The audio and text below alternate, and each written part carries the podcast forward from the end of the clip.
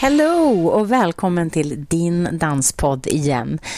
I det här 64 avsnittet så träffar vi, eller jag den här gången då, dansrektorn, danspedagogen och självklart dansaren Katrin Kühler som driver Lasse Kühlers dansskola i Stockholm. I podden så berättar hon om varför hon tog över skolan som hennes far en gång startade. Han var ju en showdansare, gestaltare, skådespelare, clown och koreograf såklart. Men varför gjorde hon det? Det var inte helt självklart, det kommer du att få höra. Vi pratar också om hur hennes pappa har präglat skolan, om hur det var då och hur det är nu. Vilket gör att vi kommer in på hur hon ser på framtidens dans och dansare. Men jag tänkte lägga till två saker som inte kom med när vi spelade in, som vi pratade om efteråt, angående hur hon ser på och vad hon ser hos dansare och på dansscenen idag. Och det är ett, att nästan alla bildar danskompanier idag.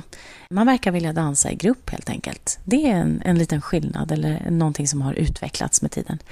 Och två, att det är så många kvinnor som är starka och tar sig fram. Många som också bildar grupper och dansar i grupp, vilket hon tycker är coolt. Det var jättefint att prata med Katrin. Följ med in och lyssna. Oh, just det, jag vill bara säga en sak till. Visste ni att nästan hela familjen Wahlgrens har gått på Kühlers dansskola? Pernilla Wahlgren, Benjamin Ingrosso och Bianca Ingrosso. Bianca nämnde till och med skolan i P1 Sommar som ett favoritminne när hon sommarpratade 2018, alltså förra sommaren.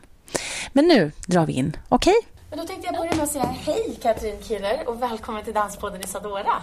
Tack så mycket, vad roligt. Ja, vad jätteroligt ja. att du är med i podden, men mm. jag är ju på plats hos dig. Ja, men precis. Mm. Här är vi, i våra danslokaler, precis. i en av dem. Ja, ja. i en av dem, precis. Mm. Har ni, ja, just det, i en av lokalerna, men det här är den skolan som som finns. Det, det, det, har funnits flera, men det finns en. Ja, nu är vi här på Tegnérlunden 6 i Stockholm. Mm. Precis. Och här, har ni funnits här sedan starten 1976? Nej, det har vi inte. Vi började ju på Södermalm mm. 1976. Ja. På, ja, egentligen på Nytorget då mm. och sen på Bondegatan och sen har vi varit på väldigt, väldigt många ställen och hyrt in oss och så vidare också. Mm.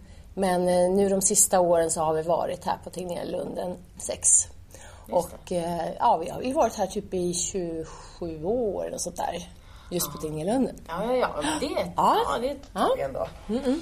Uh, jag tänkte gå igenom lite grann. Det är din far som har startat den här skolan, Lasse Kühler, mm. eller Lars Kühler. Mm. Och det var alltså 1976 och det var Sveriges första dansskola för showdans, visst var det så? Ja, just för showdans. Ja. Sen har det ju, fanns det ju dansskolor, ja. absolut. Ja. Inte så att han var helt, helt först, absolut inte. Men just med showdans var han faktiskt det. Så att det, det var verkligen eh, någonting lite annorlunda kanske just då. Ja. Och då fanns det ju faktiskt bara den skolan mm. som höll på just mycket med det. Just det. Var, var just på scenen och gjorde danskoreografier och sådär. Just det. Sen, har, sen dess har ni liksom utvecklats också. Ni har breddat er och liksom, ni, ni är mer än en showdanskola. Ja, ja, precis. Ja. Jag menar, han började med bugg framförallt verkligen. Mm. Och eh, step och showdans. Mm. Det var mm. liksom de tre ämnena mm. han liksom hade faktiskt. Just det. Det var det han var bra på. Ja, ja. Sen har vi ju utvecklat det liksom, som sagt med alla ämnen. Ja, mm. just det. Jag tänkte att jag bara ger en liten recap som jag har av din far. Jag har mm. läst lite, jag har läst den här boken nu, inte hela, men jag har gått igenom mycket. Det var otroligt intressant att gå in i hans bakgrund och liksom anledningen till att han också började dansa. Men jag säger Lasse Kühler, född 1938, blev känd i början av 70-talet när han uppträdde tillsammans med Eva Rydberg som han tillsammans gjorde massa shower, krogshower, turnéer och tv-program med. Bland annat eh, julkalendern 1975. Just det. Såg jag. Mm -hmm. Han var clown med henne tillsammans på Cirkus Scott bland annat. Mm. Med Eva Rydberg. Mm. Han var väldigt anlitad under 70 och 80-talet. Kanske ännu längre än så. Kanske 90-talet också. Fast mest då. Det Mest var då, ju det var en ja, som, just som dansare och koreograf. Just det. Var det ju då. Sen var det ju lite mer andra jobb. Ja. Och just med det här med dansskolan. Det var ju det som tog upp hans tid då. Från 76, Ja. ja. Just Ja. det. Han gjorde bland annat den här koreografin som jag tänkte säga att den har väl nästan alla sett med Pippi Långstrump med Siw Malmkvist. Ja, just det. Så det var hans eh, verk. Ja, Ja. det var det. 2013 så fick han medalj av kungen för sina insatser som dansare och för att han hjälpte och hjälper barn att göra verklighet av sina dansdrömmar. Mm, det var Okej. väldigt fint. Det var Fint väldigt pris. Det var verkligen fantastiskt att Ja. få vara med honom också när han fick det. Ja, var han glad?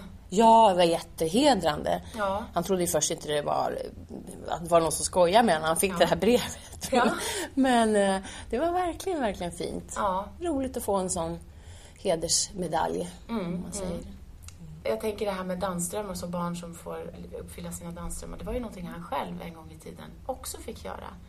Det känns som att Mm. han hade en ganska bra grund där med sin mamma. Alltså Ja, det var ju hon som verkligen stöttade honom. Och Ja. Mm. Hon var ju ensamstående mamma och på den tiden var ju det också ganska mycket att Ja. stå i. Både jobba och allt det här. Mm. Men eh, hon var väldigt mycket för att jo men du ska vara hel och ren och kunna dansa. det Just var det. hennes grej. Det. som hon sa jämt till honom. Då kommer du att träffa många fina tjejer liksom. Och, sådär. Det. och det var väl liksom hans motto så här. Ja men då, ja, det är nog en bra grej. Så Mm. han, det var ju då han började på Kindals dansskola första. Och sen så skulle han då lära sig foxtrot ju. Men eh, han råkade gå lite fel så han kom in bland och tyckte det lät lite roligare och intressantare med just steppdansen. Och då smet han in där och sen så blev han typ kvar för det var det som var grejen. Sen lärde han sig foxtrot också i och för sig men det var liksom den ingången som var häftig tyckte han för honom. Ja. Men han utbildade sig också till konditor. Ja, Ja. det är ju kanske inte alla som vet. Liksom Nej. så. Men det var väl det också. Man var ju tvungen att ha ett, ett riktigt jobb om man Ja, säger också. Ja. Så då kämpade han med det och sådär och, och ehm, jobbade som det på tidiga månader som det alltid är. Och så jobbade han ju jättesent med krogshower och allt vad det var så han liksom var ju helt slut. Men ja, alltså, han Vilken- tog upp ett schema där Ja, hur det var. vilket schema, ja. Det var man inte många timmar. tidigt också, som, alltså när man bakar och så. Så att jag tänkte, Exakt. hur sjutton, vilka Ja. timmar sov han? Nej men exakt, det Kanske var ju det han inte gjorde va. Så att han eh, svimmade väl där och höll på. Och det var väl någon gång också han råkade hälla salt istället för socker i någon tårta. Som han också beskriver i boken. Jätte, jätteroligt. För Ja. hela det här då, sällskapet som sitter där inne ska då alltså börja äta och sitter och bara snurpar på munnen och han undrar, tittar ut genom liksom, luckan där. Vad konstigt, alltså, vad är det? Och så kommer hans chef ut och är helt galen. "Ja, Du har ju haft salt i tårtan. Så då fick han sluta där. Så det blev inte så långt eh, med hans konditordrömmar. Så att då fick han faktiskt sluta. Sen jobbade han bara med det här med dans och Med show. dans. Ja. Men det är inte lite lustigt det där med att, man, att man ska ha ett riktigt jobb som dansare? För det, är- Så. att det fortfarande idag, det är inte någonting som... Eller jo, det kanske har förändrats till viss del. Men det är fortfarande lite så. Jag vet, jag har själv fått höra det. När jag dansade och också hade drömmar om Alltså dans och journalistik. Ja. Så var mina föräldrar du? jätteglada över att så här, bra du har ett riktigt jobb. Så kan du dansa sådär lite på fritiden. Lite på sidan om. Exakt. Lite som en hobby, man kallar det för liksom. Ja. ja, nej men så, så är det tyvärr. Ja, och än idag. Ses. Mm. Hur, hur gör man för att liksom komma bort ifrån det? Det är ju väldigt, väldigt olika beroende på hur faktiskt bra det går. Eh, Det är ju ett väldigt, väldigt osäkert jobb om du ska bara satsa som dansare såklart. Eh, Så på det viset så är det ju många som kanske kommer ner också som danspedagoger, att de också lär ut dans. Så att de kanske kan ändå jobba med det som de tycker om men att de ändå får dansa om det är det som man absolut brinner för. Ja, det är det just. man vill jobba med så att säga. Ja, ja. Både du och din syster har gått i dansspåren och varit verksamma dansare och koreografer och du är rektor här på skolan. Ja, just det. Ja. Mm. Hur har det varit att växa upp med, med Lasse Kühler som, som far? Ja, vi, ska vi säga, vi, ehm, höll ju alltid på med något litet projekt och han var ju, bollade ju med oss kan man säga väldigt, väldigt mycket med idéer och skulle lära oss olika saker så att vi hängde ju bara på där. Vi hade ju alltid jättekul kan vi säga. Oftast i alla fall. Såklart. Men, eh, men eh, det var alltid någonting på gång så att säga. Med olika shower. Vi var ju med honom på antingen bakom scen och hjälpte honom eller jobbade bakom så. Och, kanske på Tjaddenrevyerna så var vi liksom och sålde program och vi fanns alltid med på något sätt. Liksom. Men var det då naturligt att fortsätta eller var det någon gång som du kände eller din syster kanske att så här, nej men det här är inte det jag vill göra? Nej, snarare tvärtom eftersom vi umgicks ju jättemycket då med artister och dansare och så vidare så var det i alla fall för min del så var det ju att jag blev jätteinspirerad av det här med en, några av dansöserna som då var danspedagoger. Och det ville jag bli. Jag bara, wow, vad häftigt, det ska jag bli. Och då var jag 14-15 när jag bestämde mig att det ska jag. Jag ska gå danshögskolan. Men vad var det med danspedagogiken som lockade? Att jag tyckte det var så roligt att lära andra. Ja. Jag tyckte det var fantastiskt roligt. Ja. Det är ju inte alla som tycker det är kul för det kan ju vara ganska tjatigt, ganska jobbigt med vissa människor som är på sitt sätt liksom. Men jag har alltid fascinerats av det för alla människor är ju så himla olika. Och så får man ju väldigt mycket tillbaka när man eh, undervisar också. Och allra helst då barn. Nu, nu undervisar inte jag barn längre men när jag gjorde det. Men man får fantastiskt mycket energi tillbaka. Det är superroligt verkligen. Och se hur andra växer. Ja, Det är fascinerande. ja just det. Hur, men berätta lite grann om, om din liksom väg till, till där du befinner dig idag, rektor på skolan. Ja, nej men som jag sa då, 15 år där kände jag liksom att det här vill jag jobba vidare med. Så att jag eh, dansade på och verkligen gick alla eh, kurser jag kunde. Jag gick på Balettakademins ettåriga och sen så Kulturamas dansarutbildning också. Och sen så sökte jag till Danshögskolan för det var ju dit jag ville. Första året kom jag inte in men andra. Och det var ganska bra ändå för att det är ju en mognadsprocess det där med att faktiskt bli, eller vilja vara pedagog. Det är ju som sagt inte tjo och tjim och du bara får synas själv på det viset utan man måste backa upp andra. Ja. Så att eh, då höll jag på mest och dansade själv ett tag till och sen nästa år igen då, då kom jag in. Och sen var det bara det man gjorde liksom. Ja. Och så satsade på det.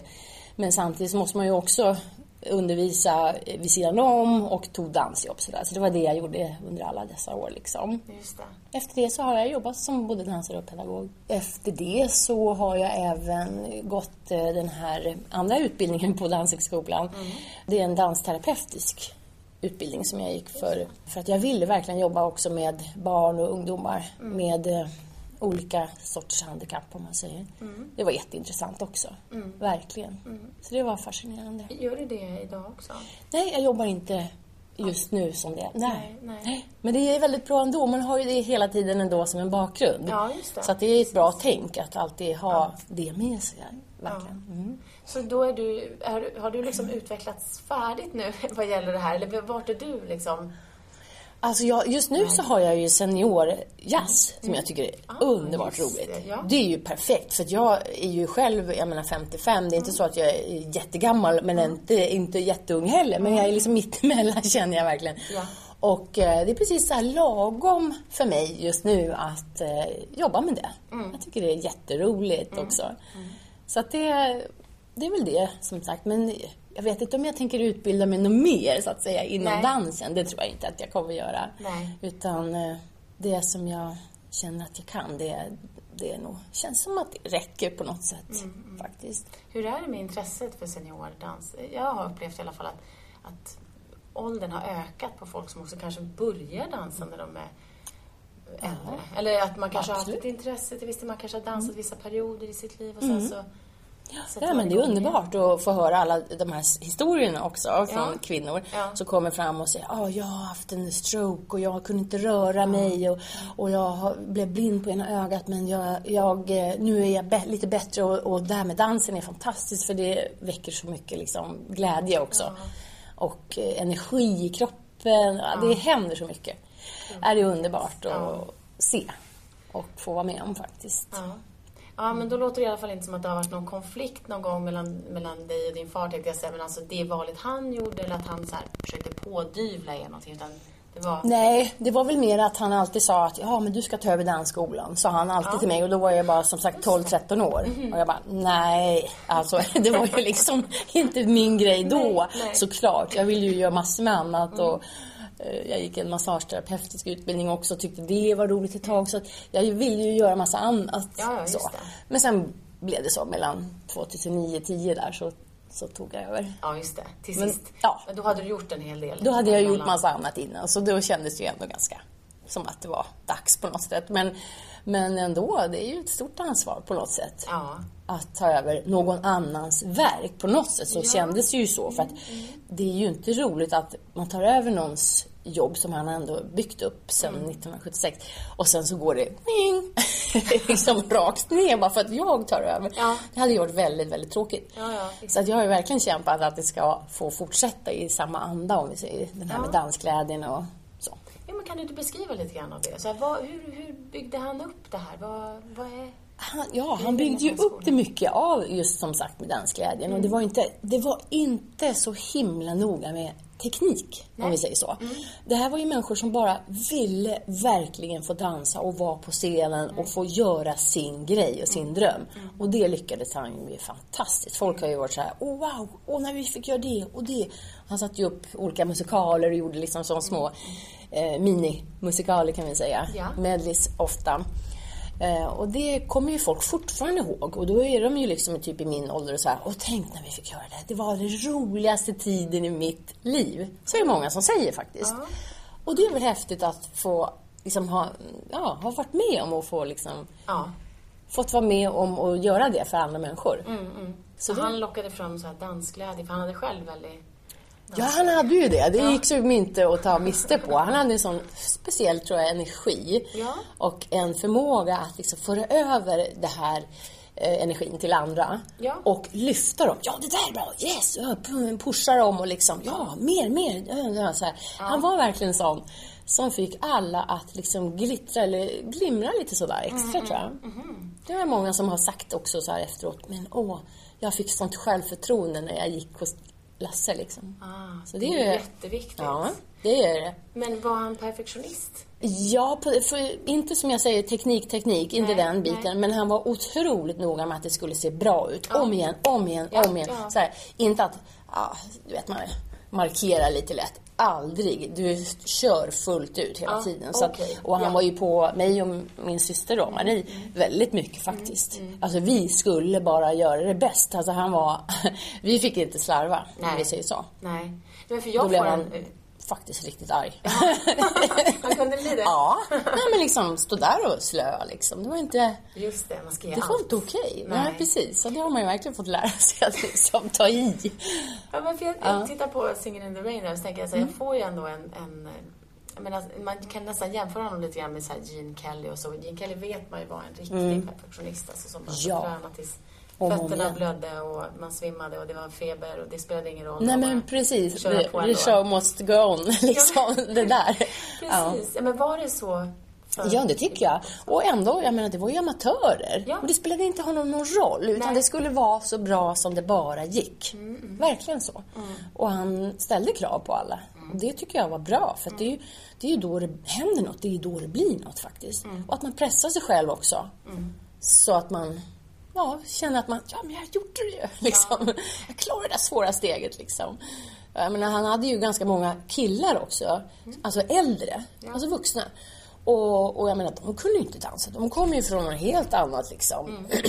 Eh, så de hade ju inga massa år på eh, Balettakademin direkt. Utan de kom ju så här tjosan hejsan och bara var bra på att kanske bugga. Ja. Men han bara verkligen kämpade med dem och liksom, de gjorde riktigt bra grejer. Även om det som sagt var lite fejk ibland. Ja, ja, ja. Men det såg bra ut och de kunde sälja. Ja. För att det är också det där med att få den här eh, känslan av att man som sagt syns på scenen och det här med utstrålningen. Ja. Det jobbade han jätte, jättemycket. Han hade ju alltid den här gladknappen här som han menar på att den trycker man på när man ska liksom synas och liksom blicken upp och framåt, utåt. Just det.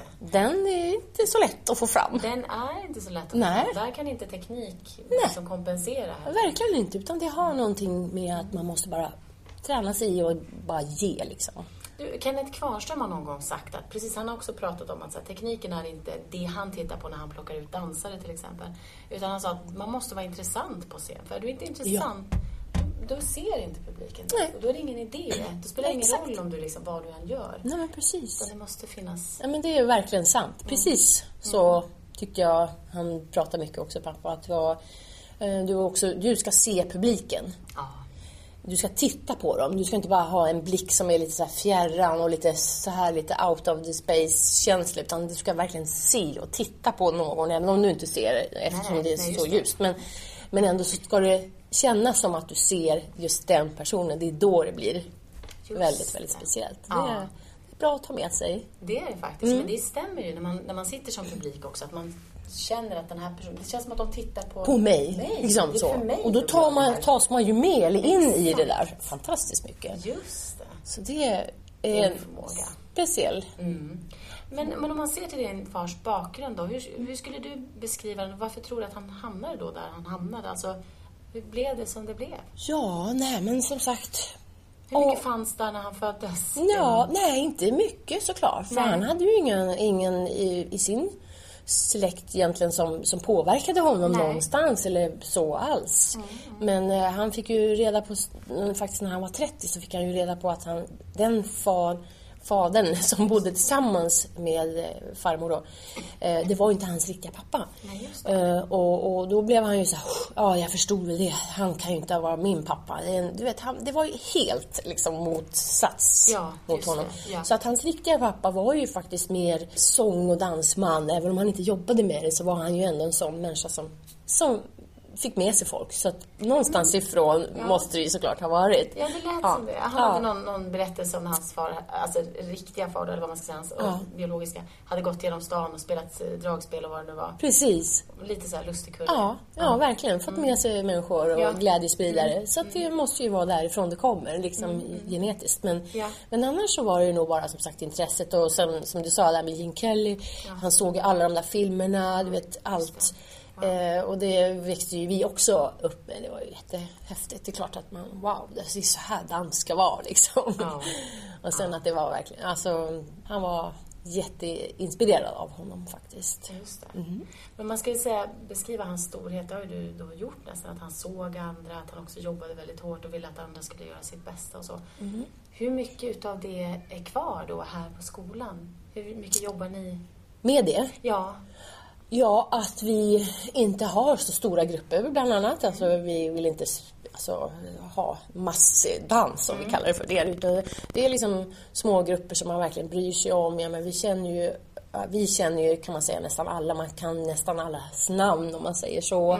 Att lärarna är sådana människor som också bryr sig om dem. Det är ju oerhört viktigt. Så att det är ju jag som, om man säger, ser till att lär, de lärarna som jobbar här, det är de som jag verkligen känner och ser är sådana människor. Det ska vara ett stort hjärta liksom, inte som jag sa. Jag visste det är jätte, jättenoga och bra med att man har teknik, det är inte det. Men jag menar att det är liksom att de ser verkligen eleverna är jätteviktigt. Och jag tycker de gör så, eller är så. Sen är det ju många av eh, mina lärare som jobbar väldigt många år, eller som är här och, om och om igen så att säga. Som, det är inte så mycket att de slutar och kommer och går så. Och det är också en härlig trygghet på det viset, för då blir det också en gemensam känsla att vi jobbar för samma mål. Och det är jättetrevligt och jätte, tycker jag, jätteviktig del i det. hur tycker du att det har, utvecklingen har skett? Och nu kanske, alltså av skolan tänker jag. Ja, det är klart att det har ju blivit från när han startade så har det ju blivit såklart många fler ämnen. Ja, Så det, det har ju breddats väldigt mycket mer med alla olika ämnen. Sen så just den här streetstilen, stilarna ska vi säga, det är ju verkligen det som går rakt uppåt. Liksom. Det är ju det som, som många ungdomar verkligen älskar och vill dansa. Så den utvecklingen är ju, är tycker jag, det är där man ser den stora utvecklingen. Jag menar, annan teknik som ballett, som showdans, den är ändå, finns en teknik som alltid liksom, som finns där så att säga. Som man återgår till, liksom. Och buggen också. Det- Men det går ju alltid att utveckla turer och utveckla allting egentligen. Så det, så det kan man ju absolut göra. Men stridsstilarna, de sticker iväg så snabbt åt olika håll och det finns många olika stilar där också. Så det, det är väl mycket det, tror jag. Men är det svårt att hänga med i det eller måste man liksom bestämma sig för att men det här är vi och det här är inte vi? Eller hur? Ja, vi måste ju hänga med också så att Ja. säga. Så att, eh, jag har ju jätteduktiga streetlärare till exempel och de har ju verkligen, de kan alla de här stilarna. Som är jättebra, verkligen jätteroliga. Så att eh, de, här, de får ju alla stilar här också. Just det. Och det är väl det som är viktigast. Men fortfarande behåller vi det här med showdans för att vi tycker fortfarande, eller jag tycker det är så himla kul och så bra. Eh, och sen som sagt, det är det som också är väldigt, väldigt roligt att se på scen. Så är det, och även modern jazz är ju underbart. Så fint. Men vad är det då för verksamhet som ni driver? Är det liksom utbildningar eller är det så att man tar klasser här på kvällarna eller hur, hur Ja, det det är ju hobbyklasser, absolut. Mm. Eh, och de är ju ganska unga. Jag menar, de är ju, är de äldsta om vi ska säga, de är ju sådär 17, Mm, någonstans där. Sen efter det så är det som att det, då är det mer som en avstamp kan man säga Mm. från härifrån till andra utbildningar till exempel om de söker till dansgymnasium och sådana saker. Mm, Så att det, då har de ju en jätte, jättebra grund att de har fått den hos oss. Men vi har ju linjer där de går flera gånger i veckan och då är det ju eh, när man tränar flera olika ämnen. Så det har vi ju. Men mest har vi ju ändå hobbydans när de kommer som sagt en gång i veckan. Ja, just det. Ja, Just det. och då är man ju mera att det är rolig, roligt att liksom dansa sådär. Roligt att dansa. Ja, och precis. det är men, precis det det ska vara som sagt. Just det, men man, man förväntar sig inte heller, alltså en jätteutveckling kanske om man dansar en gång i veckan. Men, men man Nej, men vill roligt. man eller kan man, kommer man med då i de här linjerna då, då är då vill man ju lite mer och Ja, kan, vill också satsa just kanske bara på dansen. Just det. Och så så då, Mm. då är, kan man absolut gå väldigt långt. Men eh, det är, det är ju liksom ingen professionell linje, så att säga. Inte så. Danslinje, som sagt. Tittar man, ni har ju väldigt mycket så bilder och, och, tavlor och så, alltså från din, din fars liksom, karriär och så. Men också på folk som har dansat här och så. Nu när jag var här ute i, i lobbyn här så såg jag Pernilla Wahlgren och hennes dotter och hennes son också, Benjamin och Bianca. Det är ändå så, sådana som man nu traditionellt, det är också en sån här showfamilj skulle jag säga. Som ändå, alltså både från hennes mammas sida och så Ja. sen framåt också. Är det många showdansare som har gått i Lasse Kryders? Jo, men det, det, det har det. Ja. Eh, och eh, kanske nu går, man vet aldrig. nu går. För det är alltid så här, någon, åh, han eller hon kommer nog att bli, eller vilja satsa på det. Mm. Men, nej, men absolut, det, är ju, det var ju många just under 80-talet. Ja. Det var på något vis som en riktig boom där. Ja, ja. Med eh, ja, men som Peter Jöback och Ja. Lisa Nilsson till exempel. Ja. Och, och, och som sagt Pernilla och, och många fler. Men eh, de, de började ju här faktiskt. just och det, vad man ska säga, det, det, de fick också en jättebra start här. Mm.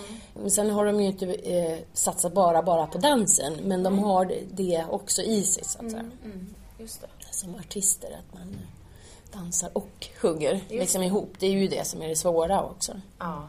ja. Men din far var ju också, liksom inte, han var ju inte bara dansare utan han var ju så mycket annat också. Och även skådespelare.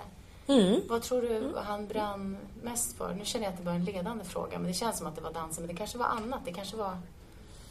Ja, nej, men såklart var det ju dansen först. Men, men eh, just, eh, han tyckte ju jättemycket om att blanda in lite repliker och ja, gärna liksom någon sketch mitt uppe allt liksom och sådär. Så då fick ju ungarna vara med och, och, och ja, helt enkelt vara med och, och eh, lära sig de här replikerna och göra de här sakerna också på scenen. Så han gillade faktiskt det och han la in så för många av dem. Mm. Att de fick, eh, vissa fick presentera kanske någonting också. Men eleverna då idag, om vi tittar på hur hur det har varit eller kanske också när du själv utbildade dig och så, alltså, och fram till idag. Hur skulle du se och säga att, eh, att det har utvecklats? Ja, det som var faktiskt, om man säger så förr, så var det nog mer att var man intresserad av dans så var man verkligen det. Och då dansade man kanske nästan bara. Nu är det faktiskt väldigt många olika aktiviteter som barn eh, ska lära sig eller vill. Det där är ju lite blandat hur man nu ser det. Men eh, de får eller kan göra väldigt mycket och ha så jättestort urval av eh, saker och ting att göra. Och det tror jag kan bli lite för mycket helt enkelt. Att man som förälder kanske egentligen måste vara lite mer så här, ja, nu får det räcka med två eller tre gånger i veckan. Att man är lite så här, att man lite grann stoppar. För det kanske inte är så lätt jämt för barn att själva känna det. Att göra en aktivitet varje dag är kanske inte så jättebra. kan ju bli lite stressande. Det kan bli hemskt stressande och det tycker jag att man märker på barn att de är lite stressade. Och sen att de heller inte riktigt eh, orkar ha fokus så länge. Det ska hända någonting ganska snabbt och det måste vara roligt hela tiden. Och ja, måste man göra om det steget? Jag har gjort det där, jag kan det där chassé liksom. Ja, men nu dansar vi igen och nu tränar man om och om igen. Det är liksom så faktiskt. Och ibland kanske inte alltid är så roligt att göra om samma sak. Men det är liksom en, någonting i det som jag tror att eh, det, det, då ser man hellre kanske någonting annat eller man ser någon ser någonting på, på någon eh, film eller på något spel eller liksom sådär och lär sig kanske dans så. Mm, mm, just det. Men jag tänker på de här, den här teorin om 10 000 timmar för att du ska bli riktigt bra på någonting. Sen så kanske man inte då satsar på att bli proffs, men jag upplever också, jag har ju också barn som är 8 och 10 år, att det är väldigt man vill gärna ha leverans ganska snabbt men man är inte så här beredd att kanske lägga ner energi eller, eller ehm, Den tiden. den tiden Nej. på det helt enkelt. Man vill Precis. ha men man vet inte riktigt vad det innebär, alltså vad man behöver göra för att ta sig dit. Nej. Frågan är ju hur den utvecklingen Mm. eh, påverkar just, Mm. tänker jag på kvaliteten på dans men också hur, hur det blir framöver. Precis. Mm. För att eh, man måste ju lära sig att det är lite jobbigt. Ja, Ja, det är jobbigt, men det blir ju jättekul sen när man väl kan det, just det där. Ja. Då blir man ju så himla glad, eller man ofta känner sig så himla duktig. Eller så här, wow, jag klarade det där fast jag inte trodde det. Så. ja just det. Undrar varför vi måste bli så underhållna hela tiden. Eller att vi måste ha roligt hela tiden. Ja, det är väl den utvecklingen som inte tycker jag är, det är inte så himla kul faktiskt. Nej. Det är ju inte, men det måste ju ha mycket ändå med för mycket input. Alltså, Ja, mycket. ja. Det är mycket som ska hinnas med. Ja. Mm. Men barn är ju stressade överlag väldigt lågt ner i åldrarna. Alltså utav kanske en massa olika anledningar. Skola och det är Mm. Ja, men visst. och det är mycket som händer. Sociala medier. Ja, och- visst. Ja, och ungdomar har ju oerhört mycket i skolan. Ja, det, är, det är också mycket mer krav på dem nu så att de orkar oftast inte gå och träna för många kvällar på grund av, eller hinna med skolan och så. Så det märker man ju också. Så på något vis så har det ju säkerligen, eller det har blivit mer krav så på Ja, dem. det. Och därför så, så hinner man inte riktigt, riktigt med just eh, att satsa då kanske då på sin ka- karriär om man säger inom dansen eller något annat eh, med, eh, som har att göra med idrott eller något annat. Det, är ju- det tar ju väldigt mycket tid. Ja, just det. Det är ju lite grann där vi har varit nu. Men framtidens dans och dansare, vad tror du vi kommer att se där? Ja men alltså jag tror ändå att eh, det här med att man blandar det här gamla och nya. Det är ju verkligen tycker jag någonting som är häftigt i det. Det tycker jag, eller tror jag man kommer att se eh, hela tiden framåt liksom. Att man gam- det gamla finns ändå kvar men man gör ju ändå någonting nytt av det så att säga. Så det blir någon väldigt spännande mischmasch där till exempel. Det, det tror jag. Och sen eh, det här med ändå som jag tycker är häftigt att dansare så här nu idag, det är mer tycker jag än förr. Det är ju att man får se ut liksom egentligen precis som man gör. Det, det har inte några exakta mått att du måste se ut si eller så. Utan man kan vara hur bra dansare som helst och man har inte de där som sagt eh, smala eh, sulfidmåtten liksom. Nej. Man kan vara hur bra som helst ändå. Och många i, ja, i musikaler och så ser man ju. Och att det, det är ju nästan det som är roligt ju också, att det är olika. Att man är det. Just det, vad gäller sånt, märker du om, om är det någon, tänker man på vad man äter eller är det mycket så här stress kring att man ska vara i vissa mått idag? Alltså smal- Inte lika mycket. Nej, det är inte Jag det. vet inte, nu Nej. tycker jag det har lugnat ner sig i, i, med det. Det var lite mer förr. Mm. Nu tror tycker jag... det beror på då? Tror du att det har blivit sundare eller? Jag tror också att de har blivit mera eh, upplysta av eh, hur, hur och vad man ska äta faktiskt. Mycket mer. Visst är det några fall här och där som har anorexia. Men det var mer förut. Och det är ju fantastiskt skönt. Ja. Att man ser att det har planats ut och att det är liksom ungdomarna börjar kanske lite mer ta hand om sig på det viset. Ja. Det är jätteskönt. Har ni någon sån del i det? Alltså, pratar ni någonting om kost eller? Ja, det gör ju lärarna absolut. Att ja, du måste äta mellanmål innan den här träningen. Och har de två träningar direkt efter varann, klasser, så måste man ta någon frukt eller så här emellan. just det. Och sådär. Och märker för, eh, våra lärare att det är något med, hon börjar bli tröttare eller han börjar bli känns inte liksom, då, då ringer jag alltid till föräldrarna och pratar och frågar och, och sådär. Och det känns ju väldigt bra att man är lite mer nära och eh, föräldrarna. Så att man har en plan, ja men nu gör vi så här. Och eh, ibland är det ju så att de får faktiskt sluta Ja. och träna. Och Ja. så får de komma tillbaka Ja. efter kanske någon termin. Så det har hänt flera gånger. Men att man observerar det för att oj, nu är hon, han trött. Eller nu känns det som det finns ingenting glöd i ögonen eller det är något som... Just det. Så. Men det gäller att våga ta tag i sådana saker också, Absolut, tänker jag. Ja. i, I vissa fall så kan det bli också en konflikt kanske med Ja. föräldrar eller så som känner att Absolut. jag hoppar inte på... Nej, vi klarar oss själva. Ja. Ni ska liksom Nej, det är ingen fara. Men faktiskt jag måste säga, varje gång jag har pratat med någon förälder så har de tagit det tvärtom. Och blivit jätteglada att, eh, att man observerar det. Mm. För att det är ju, ja, man vill ju att de ska må bra så fort som Mm. möjligt liksom. Ja men visst. Jag vet ju skolor där man har haft kostrådgivning och så där faktiskt föräldrar har reagerat på att säga, men vad är det ni berättar för våra barn? Nu vill min dotter bara äta eh, havregryn till exempel. Eller vad, vi, vi tänker inte gå med på de här, eller kanske bara dricka smoothies eller något sånt där. Där man kanske inte, alltså man, man vill gärna ha den här dialogen och kost, kostdialogen, alltså om det, vikten av att äta så näringsrikt och så. Inte så mycket tomma kalorier kanske. Men där det också kan bli lite snett, att det är så här, ska ni komma och berätta för oss hur vi ska äta och så. Ja. Men, eh, men då är Klampa det- in i vårt liv. Precis. liksom för mycket. Ja, Ja. så kanske de kan ta det. Ja, men då har du i alla fall inte den upplevelsen. Nej, nej, verkligen inte. Nej. Utan tvärtom. Det, det är ingen som har blivit arg i alla fall någon gång jag har ringt. Nej, Eller liksom slängt på luren eller sagt vi klarar oss själva, Nej. hej då. ja, det. Aldrig. Det, har liksom, det har varit att de Mm. känner att det känns skönt att vi som både lärare och jag är liksom att vi vet om det. Mm. För då är det också bättre och lättare för den eleven att hon vet, vet att det här problemet är, är liksom. Just det, just det. kan man ta hänsyn till det också på ett Mm. annat sätt. Hur ser det ut framöver här nu då? Om vi tittar lite framåt i tiden.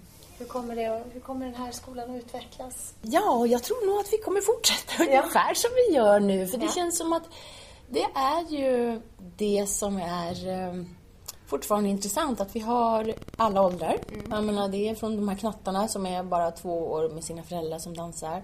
Och sen att vi har det här spannet, det är ju det som är våran grej. Och, och det fantastiskt tycker jag att man kan känna att man kan få eller kan dansa ända tills liksom, hur, så länge man orkar och kan ens röra på sig lite grann. Så är alla välkomna. Jag tycker det är en, en, härlig, en härlig grej att eh, fortsätta med helt enkelt bara. Just det.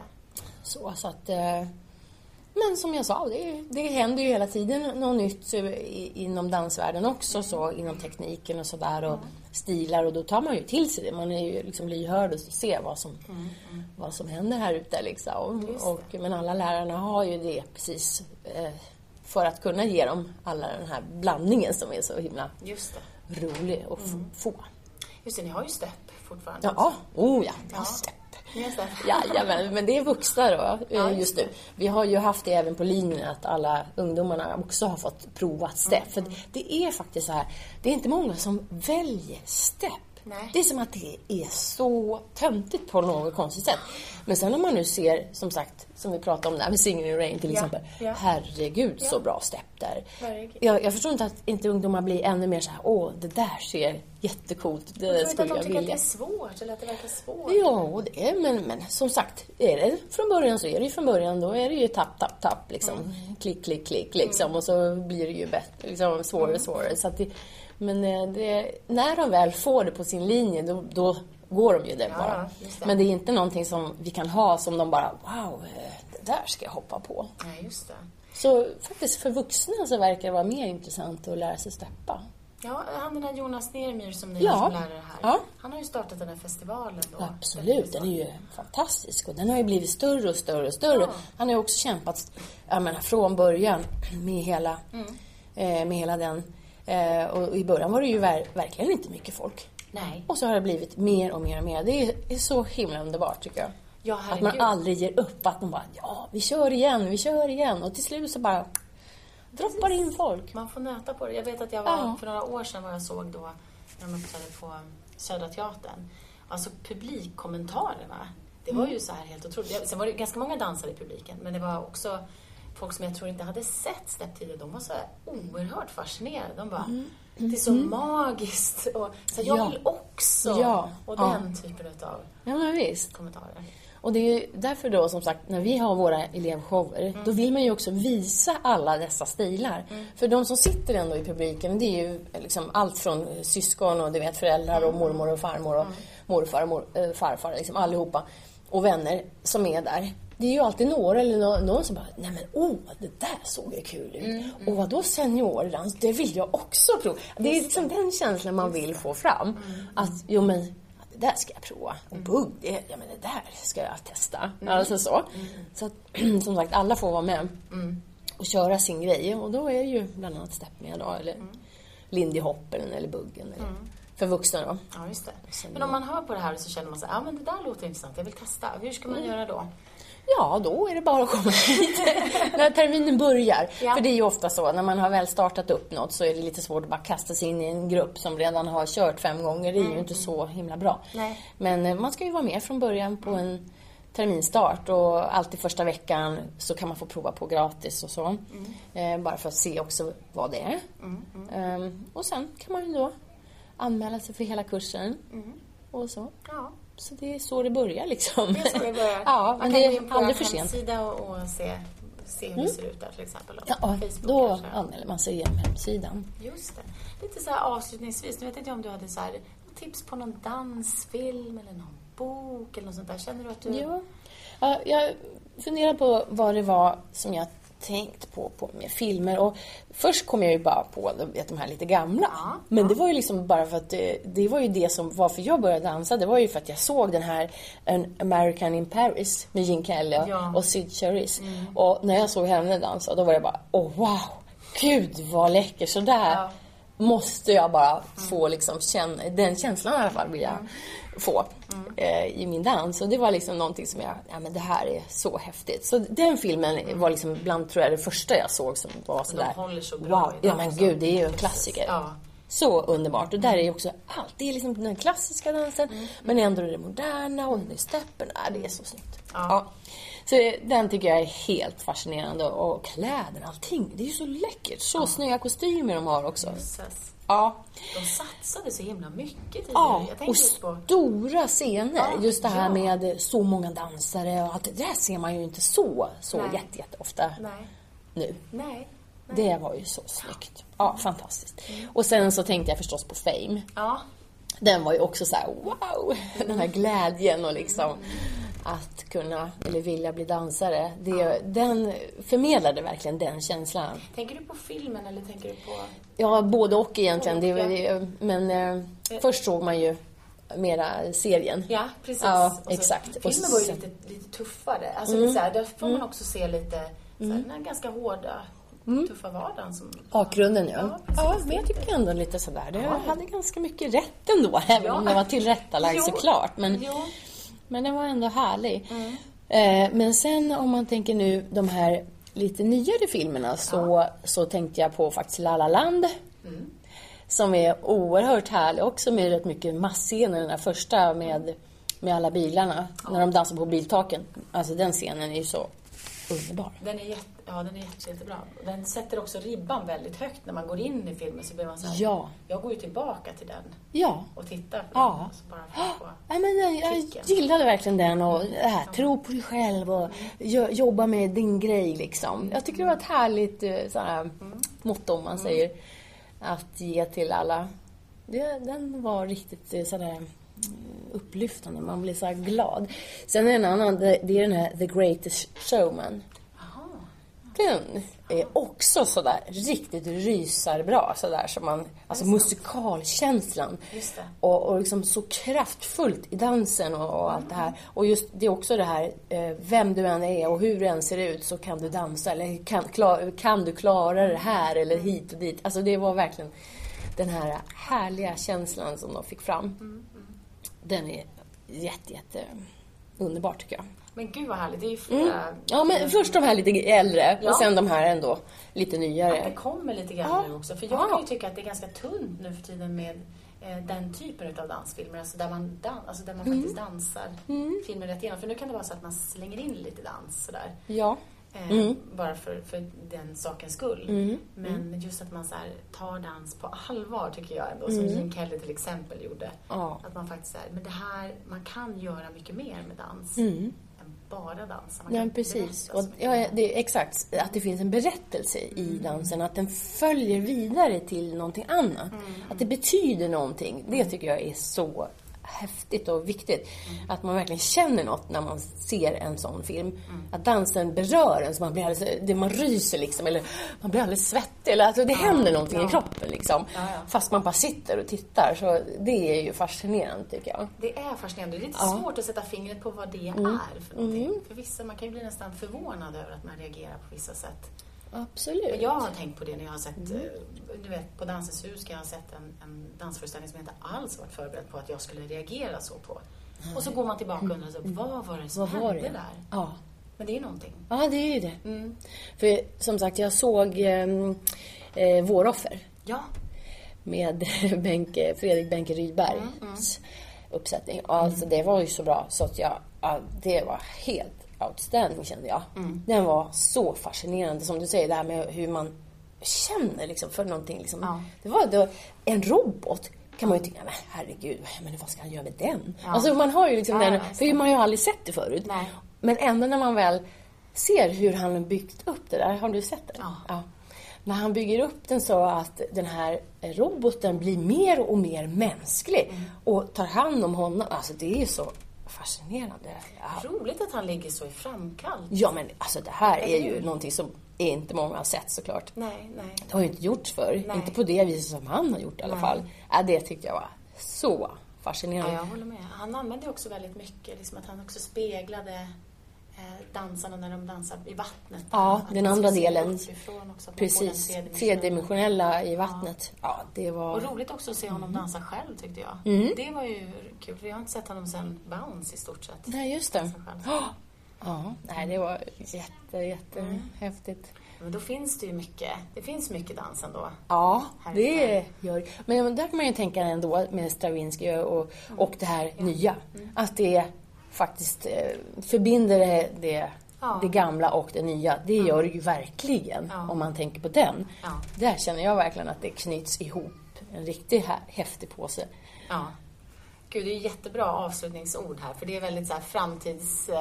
Ja, Ett hopp i framtiden. ja men det Att finns det ju verkligen. Ja. Ja. Är det någonting som du skulle vilja lägga till? Ja, vad kan det... ja, det var boken du sa ja. Ja, boken, ja men ja. Mm. herregud. Den enda bok jag har läst är ju min pappas nu som handlar om dans.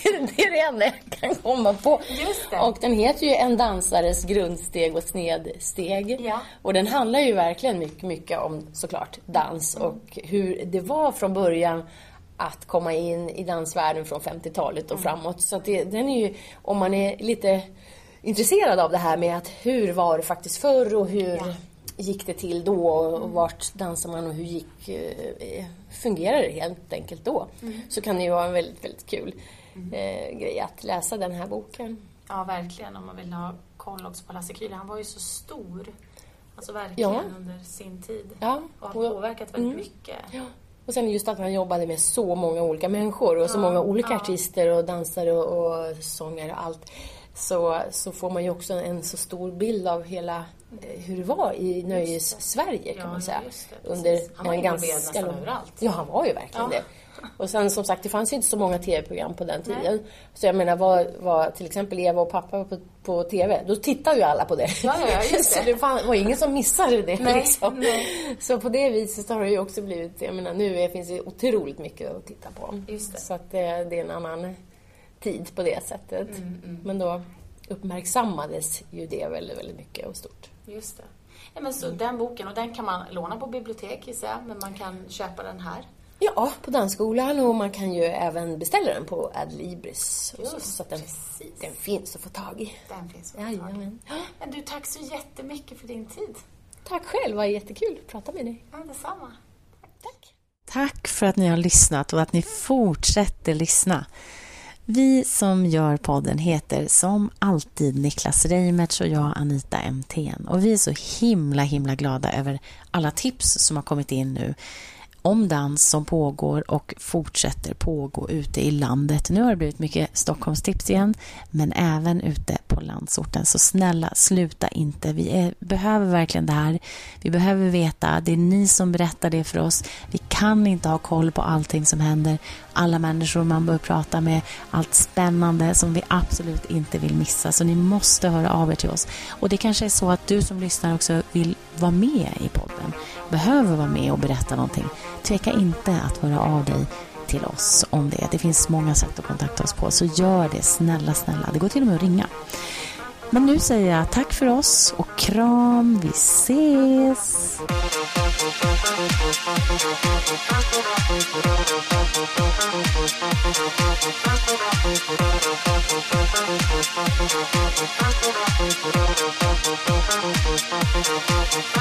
Thank you.